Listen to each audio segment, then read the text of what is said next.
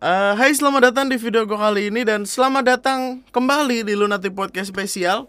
Kali ini adalah episode 3 dan seperti janji gue kemarin uh, Gue bakal nemenin malam elu karena ini jadwalnya akan dinaikin malam sekitar jam 7 malam lah. Karena bahasan kita kali ini adalah bahasan tentang horor-hororan. Tidak seru dong kalau misalkan horor keluarnya jam 12 siang Setan mana yang keluar 12 siang? Salah shift bego itu dia. Sudah. Harusnya shift malam malah shift uh, Harusnya shift 3 malah shift 2 uh, eh, Jadi beberapa waktu lalu Gue kan sempat live streaming Ngebahas tentang perkara Apa ya Perkara cerita-cerita horor Dari orang-orang yang ngikutin TNM kan. Dan uh, Kali ini Gue bakal ngebacain sisa-sisa ceritanya Karena ternyata masih banyak dan akan sayang kalau dibiarkan begitu saja. Jadi kita akan membacakan cerita horor dari orang-orang ini. Tapi sebelum itu, oke Google, turunkan kecerahan lampu menjadi satu persen. Nah, kalau nggak serem-serem kan nggak seru nih. Jadi kita harus gelap-gelap tipis-tipis. Padahal tau gak aja semalam aja tuh gue mimpi buruk sialan kata gue. Gue gue bangun tidur eh gue gue tidur tuh dalam keadaan tidak tenang karena habis ngebaca cerita sedih tapi yang berujung horor gitu. Jadi uh, ada ada salah seorang warga di salah satu daerah gitu yang membunuh orang tuanya terus kepalanya dibawa jalan-jalan. Ini beneran loh cerita ini beneran btw kepalanya dibawa jalan-jalan uh, terus dia bilang kayak oh bokap gue meninggal bapak gue meninggal segala macem. Orang ini ditangkap polisi di penjara tapi nggak lama setelah di penjara dia meninggal karena bunuh diri di sel tahanannya. Sebuah cerita yang wow wow wow wow wow wow. Gua tidur tiba-tiba mimpi gua gua lagi ngebunuh orang bisa seru amat cuy. Jadi kita akan membacakan cerita horor ini. Ini ada ada ada ini sih di Twitter. Jadi kayak ada sebuah cerita gitu di Twitter gini uh, jadi tadi gue akhirnya balik ke apartemen gue di Taman Sari Sudirman kan. Memberanikan diri lagi buat ambil barang lalu menemukan jejak kaki asing di kamar. Ya Lord aku wedi. Ini dari akun Twitter Hey V It di mana ini tiba-tiba ada jejak kaki tapi kecil-kecil gitu loh. Dan yang bikin serem adalah ini tuh kayak nggak sinkron gitu kayak ini berdiri nih ini kalau misalkan dia ya Allah merinding gue langsung su sumpah. Ini kan dia kaki kiri kanan nih let's say dia berdiri di sini. Gue nggak tahu sih kayaknya ini pintu deh. Jadi dia berdiri di sini. Terus kok bisa kaki kiri di sini? Kok sebelah doang gitu? Dia main deng dengklak apa gimana sih? Apa sih namanya yang kaki kaki satu itu? Demprak dumprak. Terus ini dia balik gitu ke belakang. Tapi kok kanan Kok kanan semua? Oh di, di ini kaki kirinya kali. Terus dia nanya gitu apa dari manajemen apartemen gua nggak ada orang manajemen atau maintenance yang masuk ke unit. Jadi ini siapa nyet? Serem amat. Anjing aneh banget dah. Kalau misalkan orang gimana ya? Mending lah kalau orang. Ini kalau bukan gimana? Ini masalah. Ini kiri kelihatan nih kiri. Ini kanan. Ini kiri lagi ini kanan ini kanan. Ini kayak lagi berantem ini bekas. Yo aneh banget. Cari lain yuk serem cuy.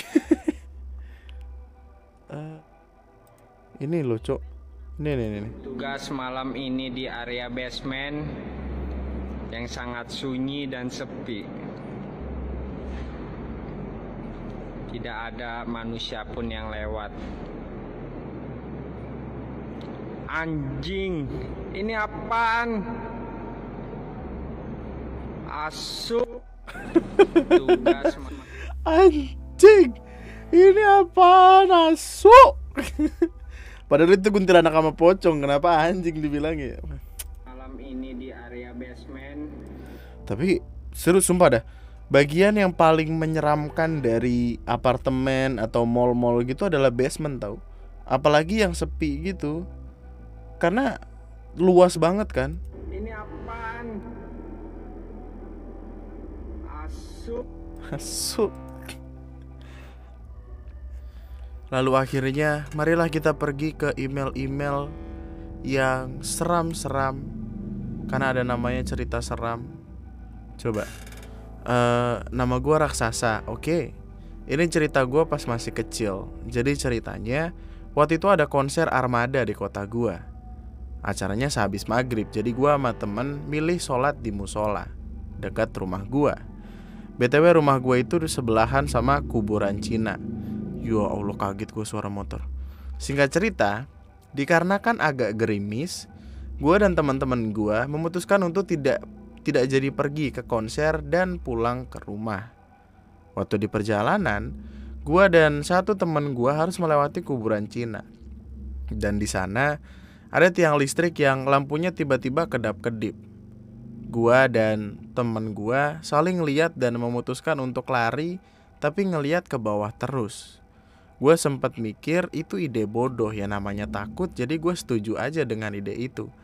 Saat lari, gue nggak sengaja menghadap ke arah kuburan Cina dan bangsatnya di sana ada orang yang berdiri dengan mantel panjang tapi mukanya nggak kelihatan. Gue terdiam sampai temen gue narik tangan gue dan gue lanjut lari lagi sampai rumah. Besoknya gue nggak tahu kenapa tiba-tiba perut gue kayak nonjol segede bola kasti dan membuat gue panik. Ortu juga dan memutuskan untuk panggil Pak RT yang kebetulan emang akrab dengan hal mistis. Jangan-jangan Pak RT-nya Mister Tukul jalan-jalan. Singkat cerita, gue dikasih air wortel yang ada kayak jampiannya gitu. Dan seketika perut gue mengempes. Sehabis gue sehat, si Pak RT kayak ngomong sama seseorang yang ada di atas rumah gue, kayak ngusir gitu pakai bahasa daerah. Sebenarnya banyak cerita horor di rumah gue sampai bisa masuk paranormal experience Raditya Dika. Oh ya btw gue juga bikin channel reaction bang namanya Raksasa Lubis bantu promo bang. Iya promo dia. Kakung gue tuh sempat beberapa kali ngebikin yang kayak gini kayak gini juga nih maksudnya jadi ada air minum gitu terus didoain terus dikasih ke orang gitu karena ada ada apa ya ada banyak orang kesurupan di kampung gue juga nggak tahu kenapa. Mungkin itu salah satu alasan kenapa gue kadang tuh kalau ada hal mistis feelnya ada aja gitu. Kayaknya emang gara-gara nurun dari kakung. Kakung tuh kayak ghostbuster lu karena kakung kakung gue kan di kampung tuh orang yang dituakan gitu kan. Jadi uh, kalau minta doa doa tuh sama kakung. Dan kakung tuh gimana ya dia kejawennya tuh berasa banget gitu. Jadi masih masih mempercayai uh, dulur-dulur gitu loh. Kayak apa sih mbah-mbah zaman zaman dulu nenek moyang gitu. Bahkan kakung gue gue sempat ngeliat beberapa kali kakung kayak ngobrol sama some kind of stuff yang gue nggak tahu apa. Se, se di waktu-waktu tertentu kamar kakung tuh bakal dikosongin terus ditaruhin kayak kayak semacam sesajen terus kopi hitam kelapa sama apa lagi sama rokok gitu gitulah terus ada masanya di mana kakung bakal ke dalam situ terus entah ngobrol sama siapa terus keluar gitu terus gitu loh emang rada nyilu sih tapi itulah yang dilakukan bokap gua dengan alat-alatnya itu. Bokap gua tuh buset semua alat-alat kerjanya bokap gue kan mandor ya btw tapi dia udah cabut ke mana tahu gitu. Alat-alat kerjanya itu dimandiin segala macem gitu. Uh, terus gue gue sempat diceritain sama bokap ini gue nggak tahu gue udah pernah cerita atau belum tapi bokap tuh dia punya aji-ajian gitu loh aku udah pernah cerita belum sih? Oh udah. Jadi buat lo yang belum tahu uh, di dompet bokap gue itu ada yang namanya pengasian gue nggak tahu ini hukumnya apa atau gimana gue nggak tahu. Tapi bokap gue tuh intinya kalau misalkan ada orang pengen marah-marah ke dia bokap gue tuh pasti nggak bakal jadi dimarahin gitu. Let's say lu datang ke bokap gue dengan alasan bokap gue uh, waktu lagi seplat-seplatan sarung dia pakai batu gitu kan lu emosi kan gitu. Terus lu datengin bapak gue pasti lu ketika udah ada di depannya lu bakal kayak santai gitu. Tiba-tiba masa lalu selesai aja gitu entah kenapa. Nah bokap gue tuh tipikal yang emang sembarangan di tempat orang eh sembarangan di tempat-tempat tertentu tapi bukan untuk menantang untuk berdamai untuk uh, tanda tangan MOU kontrak gitu. Jadi dia jadi dia pergi ke salah satu gunung mana gitu terus uh, dia bilang dia cerita nih Versen cerita ke gue gitu. Jadi dia ditaruh di sebuah gubuk di tengah hutan terus diminta buat merem dalam jangka waktu tertentu terus uh, di abis merem itu diminta buat baca-baca apa segala macam tiba-tiba buka mata terus apa pun yang ada di depan dia itu artinya adalah makhluk yang milih bokap gua untuk dijadiin kerabat gitu loh. Dijadikan bro gitu sama bokap gua. Terus akhirnya ya udah mungkin bro broannya itu ditaruh di pengasihannya gitu. Bokap gua punya keris men. Gua nggak tahu dia dapat dari mana sih tapi keris itu tuh nyokap gue takut banget sama keris itu. Pokoknya keris itu nggak nggak pernah nggak pernah nggak pernah berhasil dibuang sebelum akhirnya nyokap ketemu orang pintar Albert Einstein ya, kan? orang pintar. Uh, shit. Eh, kok jauh banget sih kita ngomongin apa sih? Oh ngomongin ini loh. Perkara kadang tuh orang-orang yang sembarangan di tempat-tempat tertentu yang yang justru bakal didatengin. Bukan didatengin ketempelan. Sederhananya ketempelan. Waktu itu ada yang cerita ke gue deh kalau nggak salah. Ada di email gitu jadi dia uh, dia nggak tahu nih tempat yang dia samperin itu kuburan karena emang kuburannya cuma beberapa titik gitu.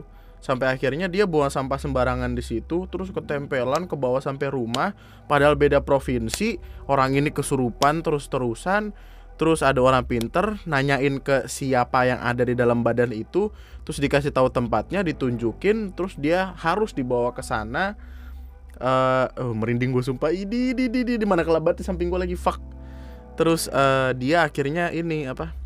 Anjing merinding gue saya kira dikeluarin gitu terus ya udah dia balik dan tenang lagi jadi kayak setannya nyasar pengen pulang kagak tahu jalan jadi maksa orang nyurupin orang nyurupin aja ngebikin orang kesurupan supaya dia bisa diantar pulang kalau kata gue memang di dunia setan nggak ada Google Maps Ya Allah. Dari Afdianto Ramadhani. Hai nama gue Avan. Gue mau bagiin cerita horor yang gue alami tahun lalu saat nginep di rumah kakek gue.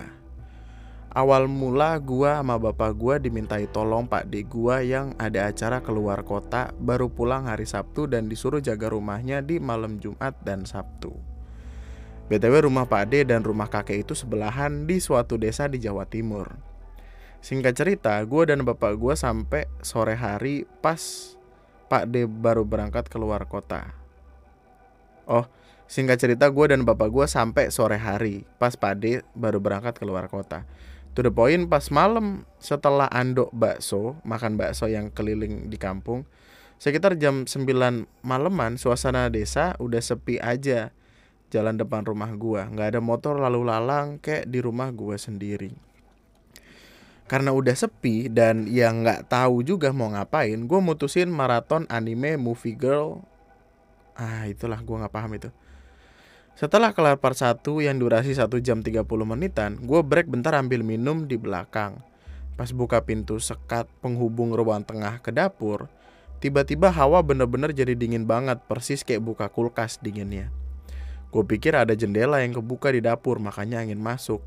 Pas gue cek semua jendela ketutup. Ngambil pikir ngambil pikir gue ambil minum lalu balik ke ruang tamu buat lanjut nonton part kedua. Pas nyampe pertengahan film bapak gue bangun lalu bangun eh bapak gue bangun lalu ke belakang. Kayaknya pengen kamar mandi. Dan pas di depan pintu dapur bapak gue berhenti dan gosok-gosok lengan kayak kedinginan gitu. Dan karena abis fokus ke layar HP dan gue coba sipitin mata gue dan kayak ngelihat siluet bayangan hitam di depan pintu pas depan bapak gua dan gue coba hirauin. Dan bapak gue putar balik. Jongkok ke depan gua yang rebahan pegang HP Laupo ya gitu. Kenapa ya? tanya gua. Bapak gua tiba-tiba bilang pulang yuk. Dan gue langsung natap ke depan pintu kelihat jelas siluet itu berdiri sambil ayun-ayunin tangan. Ya Allah mirip posisi ruku di sholat tapi tangannya mengayun-ngayun. Aduh merinding banget gue ya Allah Gue langsung bangun dan lempar bantal HP sarung ke dalam selimut dan gua pikul kayak mode maling. Langsung lari ke dalam mobil dan bapak gua ikut keluar tapi jalan sambil nutup pintu ngunci dan ngelempar kunci ke dalam rumah dan gue minta sama bapak gue langsung cabut balik ke rumah. Nah yang paling bikin merinding pas cerita di dalam mobil, gue cerita kalau ada bayangan di depan pintu. Bapak gue jawab begini, Yo, wes biasa le, pas cilik bien pean, yo tahu ngomong. Jadi pas waktu kecil, kamu pernah bilang, e, ya kok mbah duduk di atas meja sih gitu. Dan gue diem seribu kata selama perjalanan. Intinya bapak gue dan udah tahu kalau di rumah kakek gue itu ada penunggu dan pas mulai penampakan diri bapak gue berusaha biar gue kagak takut dan inget pas kecil gue pernah lihat penampakan menyerupai kakek gue padahal gue sendiri nggak inget pernah ngomong ke begitu oke Google naikkan kecerahan lampu menjadi 100% oke Google ganti warna menjadi nggak gitu dong ya Allah gue takut banget sumpah demi apa apa siapa siapa sih tadi yang minta warnanya jadi merah tuh siapa sih? Astaga ya Allah.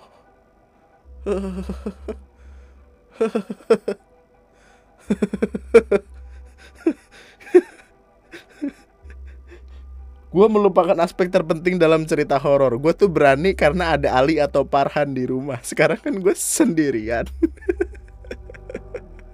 Astaga Lu tau gak sih kayak ada feel orang ngeliatin lu padahal nggak ada gitu Gue tuh dari tadi pengen nginin kupluk tapi gue takut aja Salah banget nih punya kaca dalam kamar goblok lah Sorry ya guys, kita terangin lampunya Saya tidak kuat Meskipun ini pagi juga jam 6 Tapi kan namanya takut mah takut aja ya gak sih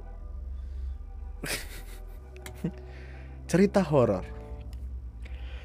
Waktu itu sekolah saya mengadakan kemah di bawah kaki gunung. Nih, semua cerita menyeramkan tuh datang dari hal-hal seperti ini. Tahu kenapa lu kemah harus di bawah kaki gunung gitu? Emang nggak bisa di bawah kaki ibu? Wah surga tuh di bawah kaki ibu. Terusnya kenapa harus di bawah kaki gunung banget sih men? Sukabumi tuh Cianjur gitu kemah tuh. Waktu itu sekolah saya mengadakan kemah di bawah kaki gunung di daerah perbatasan Kudus, Pati, Jawa Tengah. Katanya di daerah situ ada penunggu harimau putih. Ketika awal uh, kegiatan ketika awal ah ketika awalmu kegiatan belum dimulai dan para panitia sudah sampai di lokasi. Waktu itu baru mengadakan syukuran buat kegiatan. Selesai itu, tiba-tiba ada ular warna putih yang mau masuk ke dalam ruangan. Seketika saya ambil itu ular, sontak pembina dan teman-teman suruh lepas ular tersebut.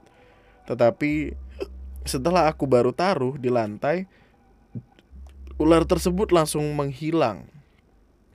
Kita semua kaget, tetapi kita tetap berpikir positif. Ular tersebut sudah masuk ke dalam semak-semak. Hari berikutnya, kemah diadakan dan para peserta datang. Dari pagi ha dari pagi hingga sore kegiatan berjalan lancar. Tetapi ketika hari menjelang maghrib, ada satu siswa kerasukan seketika guru dan ustadz setempat membantu untuk menyadarkan murid tersebut. Tetapi tiba-tiba ada suara harimau sampai semua orang kaget. Lalu ada sesosok putih dari atas genteng gedung utama yang cuma satu-satunya di situ. Enggak. Sontak, guru tanya ke warga yang ada di bawah kaki gunung tersebut. Katanya warga setempat menyuruh tanya kepada orang yang ahli di daerah tersebut. Lalu kita semua menuju ke ahli dari daerah tersebut. Lalu kata ahli tersebut, kita tidak diterima di daerah tersebut alasannya tidak diketahui. Harimau putih itu emang emang masih jadi ini ya, masih jadi apa? uh, primado bukan primadona ya apa sih namanya? Masih jadi sebuah momok menakutkan gitu. Harimau putih itu siluman kan jatuhnya siluman siluman harimau putih buat ngejaga tempat itu. Waktu itu gue sempat sempat dengar cerita kalau siluman harimau putih ini di, di digunakan untuk ngejaga hutan supaya hutannya nggak dirusak sama manusia kan? Tapi kan ini orang-orang ini kemah oh mungkin kemahnya bawa alat-alat berat. Datang kemah bawa truk molen ya kan? Mobil molen rada gede tuh mobil molen. Waduh. Halo bang, ini ceritaku dari Sofian. Saya Sofian dari Tuban, punya dua cerita yang bisa dianggap horor. Cerita pertama terjadi saat aku masih kuliah di Malang. Malam itu, aku diajak ke rumah temanku untuk membantu proyek sebelum pameran karya. Kita berangkat bertiga, dua motor.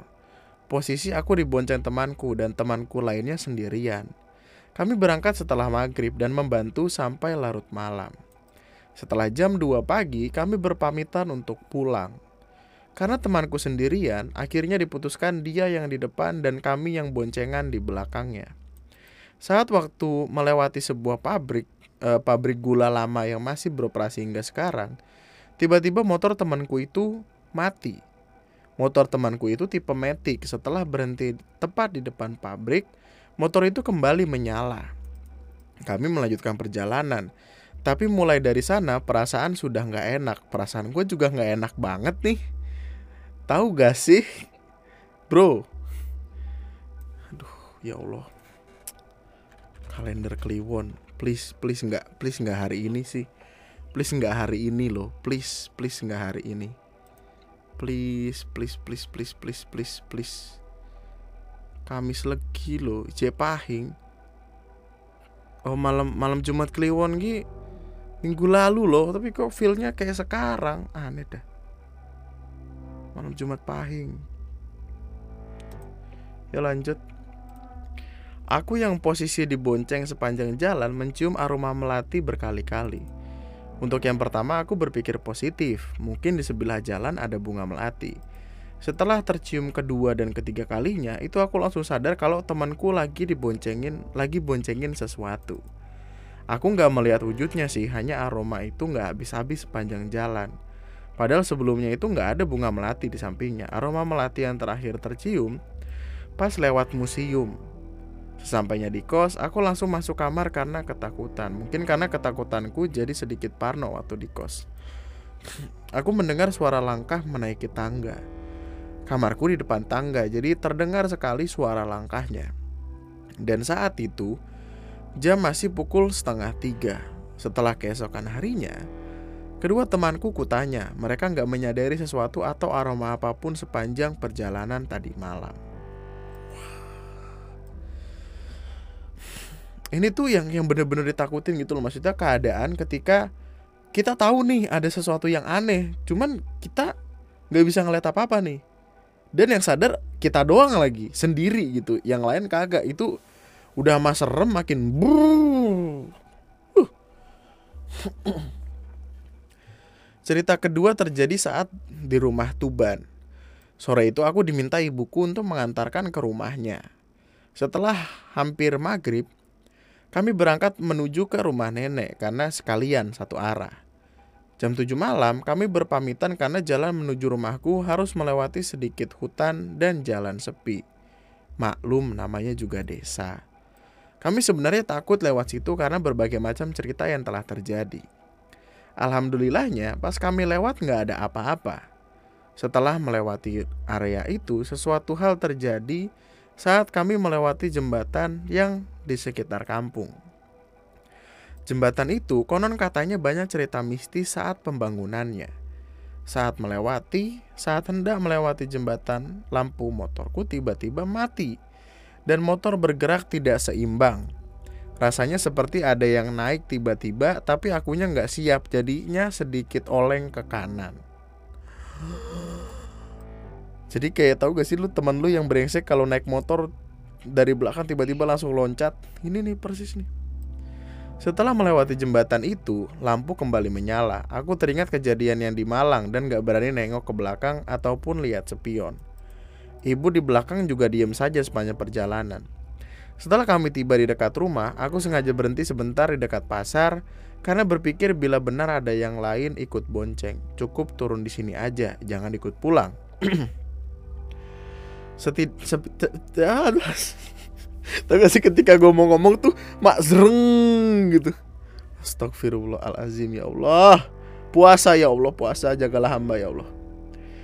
Setibanya di rumah, ibu membuka pintu dan berkata keras, "Alhamdulillah, untung gak ada apa-apa." Eh bener nggak sih tadi itu rasanya motor berat sebelah kanan? Aku belum cerita apa yang kurasakan ke ibu, ternyata ibu juga merasakannya. Jadi selama perjalanan tadi, motor terasa berat bagian kanan, saya rasa mau oleng ke kanan. Itulah kenapa sepanjang perjalanan kami senyap tak ada obrolan apa pun karena merasakan keanehan tersebut. Ibu membacakan doa-doa dalam hati. Aku fokus ke jalanan dan mengimbangi beratnya motor. Gua gua belum pernah sih ada di kondisi kayak gini dan semoga-moga jangan ya karena setiap kali nganterin arah kan gue baliknya pasti sendiri nih. pasti feelnya tidak enak dong kalau tiba-tiba ada yang wow wow wow wow, wow gitu. Uh, tapi kalau misalkan dihadapkan dengan keadaan kayak gitu, apa yang harus kita lakukan gitu? Ngelihat spion kagak berani,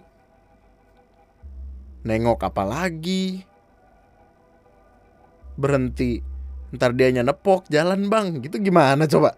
Ya ya ya ya ya ya. Atau malah justru ketika kita berhenti kita dikasih ceban. Nih bang udah nyampe. Thank you ya.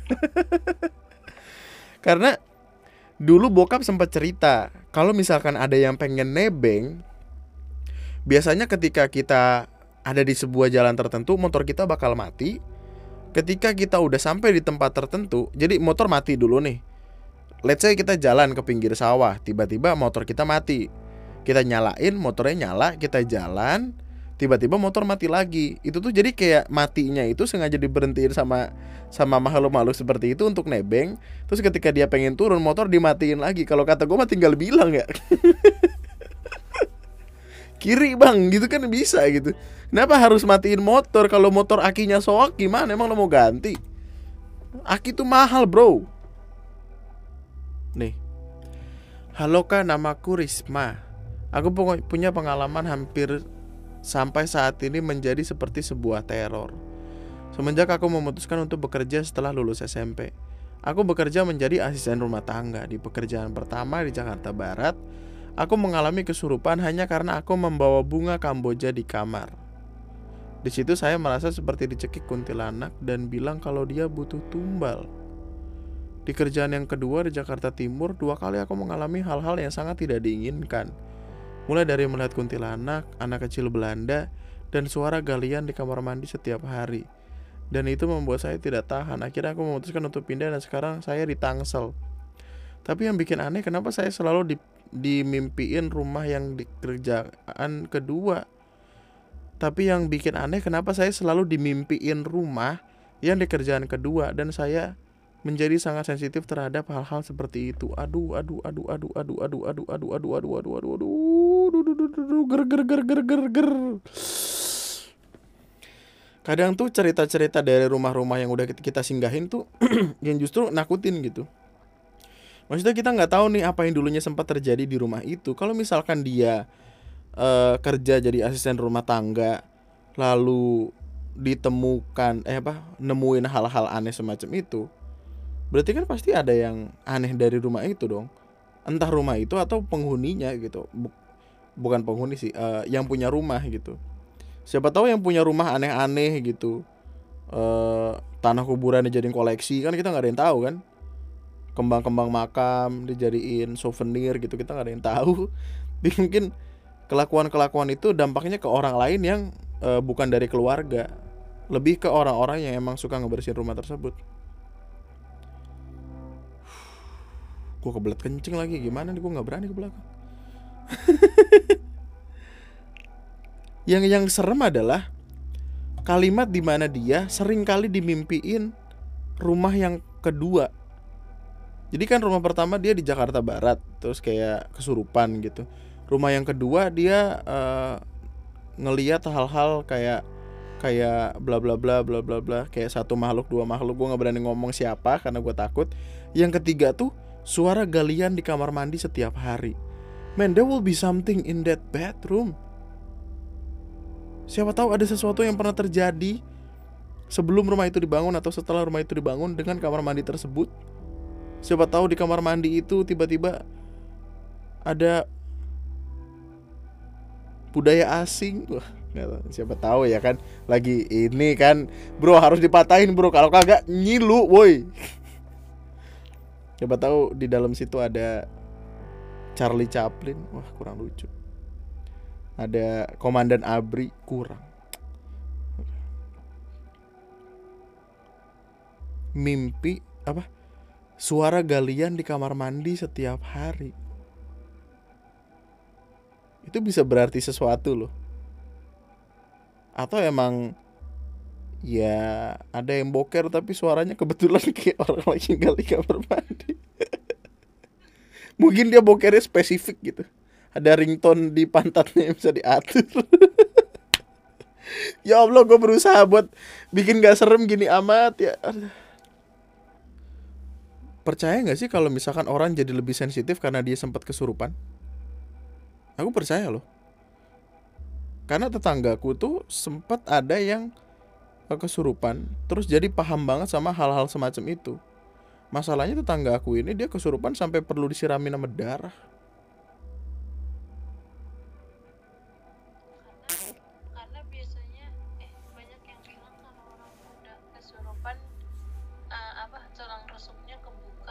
ya udah udah yuk yuk. Jadi eh sorry guys. Ya sepertinya itu dulu untuk malam untuk untuk eh, cerita-ceritaannya. Demi apa pun sepertinya saya tidak kuat kalau melakukannya sendirian. Jadi saya akan memanggil teman-teman untuk episode selanjutnya. Karena setiap minggunya di malam Jumat saya akan menaikkan sebuah podcast dengan tema horor-hororan untuk menemani malam-malam kalian yang semu dan menjengkelkan dan tidak seru-seru amat itu. Eh, sampai jumpa di podcast selanjutnya. Untuk lo yang pengen ngirimin cerita-cerita horor semacam ini, eh, bisa kirimin aja ke email TNM di tnmofficials at gmail.com tnm o f f i e c i a l s at gmail.com tnmofficials at gmail ada di deskripsi deh kalau mau gampang. Eh, lu bisa kirimin aja cerita-cerita serem yang lu punya.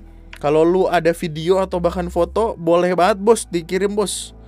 Tapi sorry nih untuk episode kali ini tidak ada foto dan video karena wow wow wow wow Jumat legi.